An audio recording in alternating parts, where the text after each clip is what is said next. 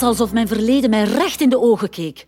Zo voelde dat toen Kobe daar straks voor mijn neus stond. Ik herkende hem direct. Ook al heb ik nooit echt goed gekeken naar die foto's die mijn moeder mij was blijven opsturen. In mijn hoofd, hè. Ja, in mijn hoofd was hij altijd een baby gebleven. Maar voor mij, ja... Voor mij stond een volwassen man. Iets jonger dan Steven toen ik hem leerde kennen. Voor mij stond mijn zoon. Mijn zoon. Dat is zo'n raar idee. Zo voelt hij helemaal niet. En hij lijkt zo op Steven. Diezelfde blauwe ogen, dezelfde trekken in zijn gezicht. Alles doet mij nu aan Steven denken. Ik zie ons terugzitten in dat kantoortje van hem. Oh, ik voel zijn handen zo door mijn haar gaan. Ik, ik hoor zijn lach. Zo luid dat hij de stilte in de kamer vult. Elke gedachte wekt weer een nieuwe op. Het is een lawine van herinneringen. Maar ik wil niet bedolven worden. Dat is exact waarom ik Koben heb achtergelaten. Om niet elke dag aan Steven herinnerd te worden en aan de liefde die ik was kwijtgeraakt. Maar eigenlijk doet het minder pijn dan ik had gedacht. En dat zorgt voor, voor twijfels in mijn hoofd. Had ik het wel gekund? Heb ik het te snel opgegeven? Ik dacht altijd dat ik de juiste beslissing had genomen voor ons allebei, maar nu weet ik het niet meer. Ik, uh... ik zag zoveel haat en opgekropte woede in de ogen van Kobe. Als, Karen, alsjeblieft, stop ermee. Hè. Dit soort gedachten zijn zinloos.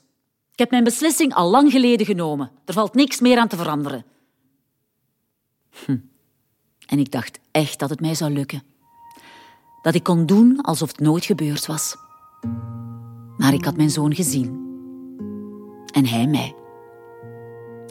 Hij liet zich niet langer wegmoffelen in een uithoek van mijn herinneringen. dat zou snel blijken.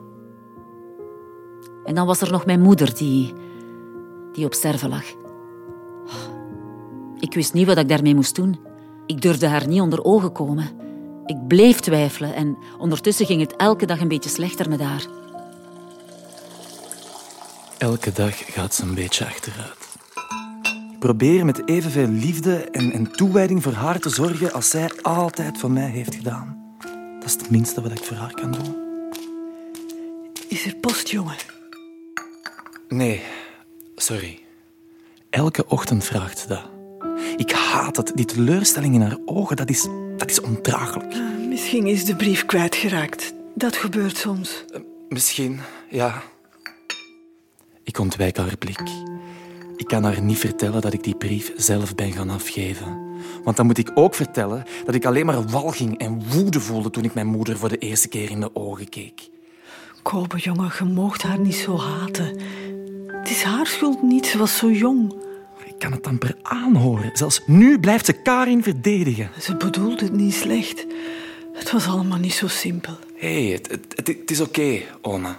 Och, jongen, ik hoop dat jullie elkaar ooit terugvinden. Kunt je mij dat beloven? Ze mag mij dat niet vragen.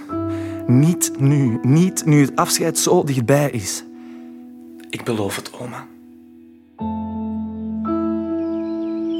En je hebt die belofte kunnen waarmaken. Hoe schoon is dat? Ja, dat is waar. toch word ik er verdrietig van door eraan terug te denken. Mijn oma die heeft zo gevochten om dat vol te houden. Die heeft zichzelf echt gepusht tot het uiterste, omdat zij hoopte dat Karin toch nog zou opduiken. Zij wou dat zo graag nog goed maken. Maar zij kon niet meer. Ah, ik vond dat vreselijk dat zij zo moest sterven. Ik kan dat geloven. Een kind verliezen, dat, ja, dat blijft pijn doen. Ja, dat, dat snap ik nog altijd niet. Dat, dat Karin niet het respect of de moed had om op die laatste wens van haar moeder in te gaan. Alleen zelfs die gemoedsrust, dat kon ze haar niet geven. Ik kon het niet. Ik had dat hoofdstuk al lang geleden afgesloten. Ik had tijd nodig om controle te krijgen over al die emoties die ik zo lang had onderdrukt en waar ik nu geen blijf mee wist. Ik heb te lang getwijfeld. Een week later stond Kobe weer voor mijn neus. Met een doodsbrief. Ik was te laat. Mijn moeder was er niet meer. Dat besef drong niet door. Ze was al zo lang niet meer in mijn leven en toch, toch kwam het verschrikkelijk hard aan. Met een verrechte deelneming vind het zo erg voor u. Ik wou zijn medelijden niet. Hij begreep er helemaal niks van. Hij moest mij gewoon maar rust laten. Ik had het verkloot, ik was laf geweest. Oh, ik had haar nog zoveel willen zeggen. Ooit. Als ik er klaar voor was. Maar nu was het te laat. Ik wist dat ik naar haar toe moest. Maar niet naar de begrafenis, dat kon ik niet. Ik ben uiteindelijk daarna naar het kerkhof geweest waar ze, waar ze begraven ligt. Wat doe jij hier? Sorry, Jij hebt hier niks te zoeken, niks. je hebt gelijk. Ik heb hier niks te zoeken. 23 jaar. 23 jaar heeft zij op u liggen wachten. En jij komt niet eens aan haar sterfbed. Hoe fucking laf kun jij zijn? Egoïstische bitch.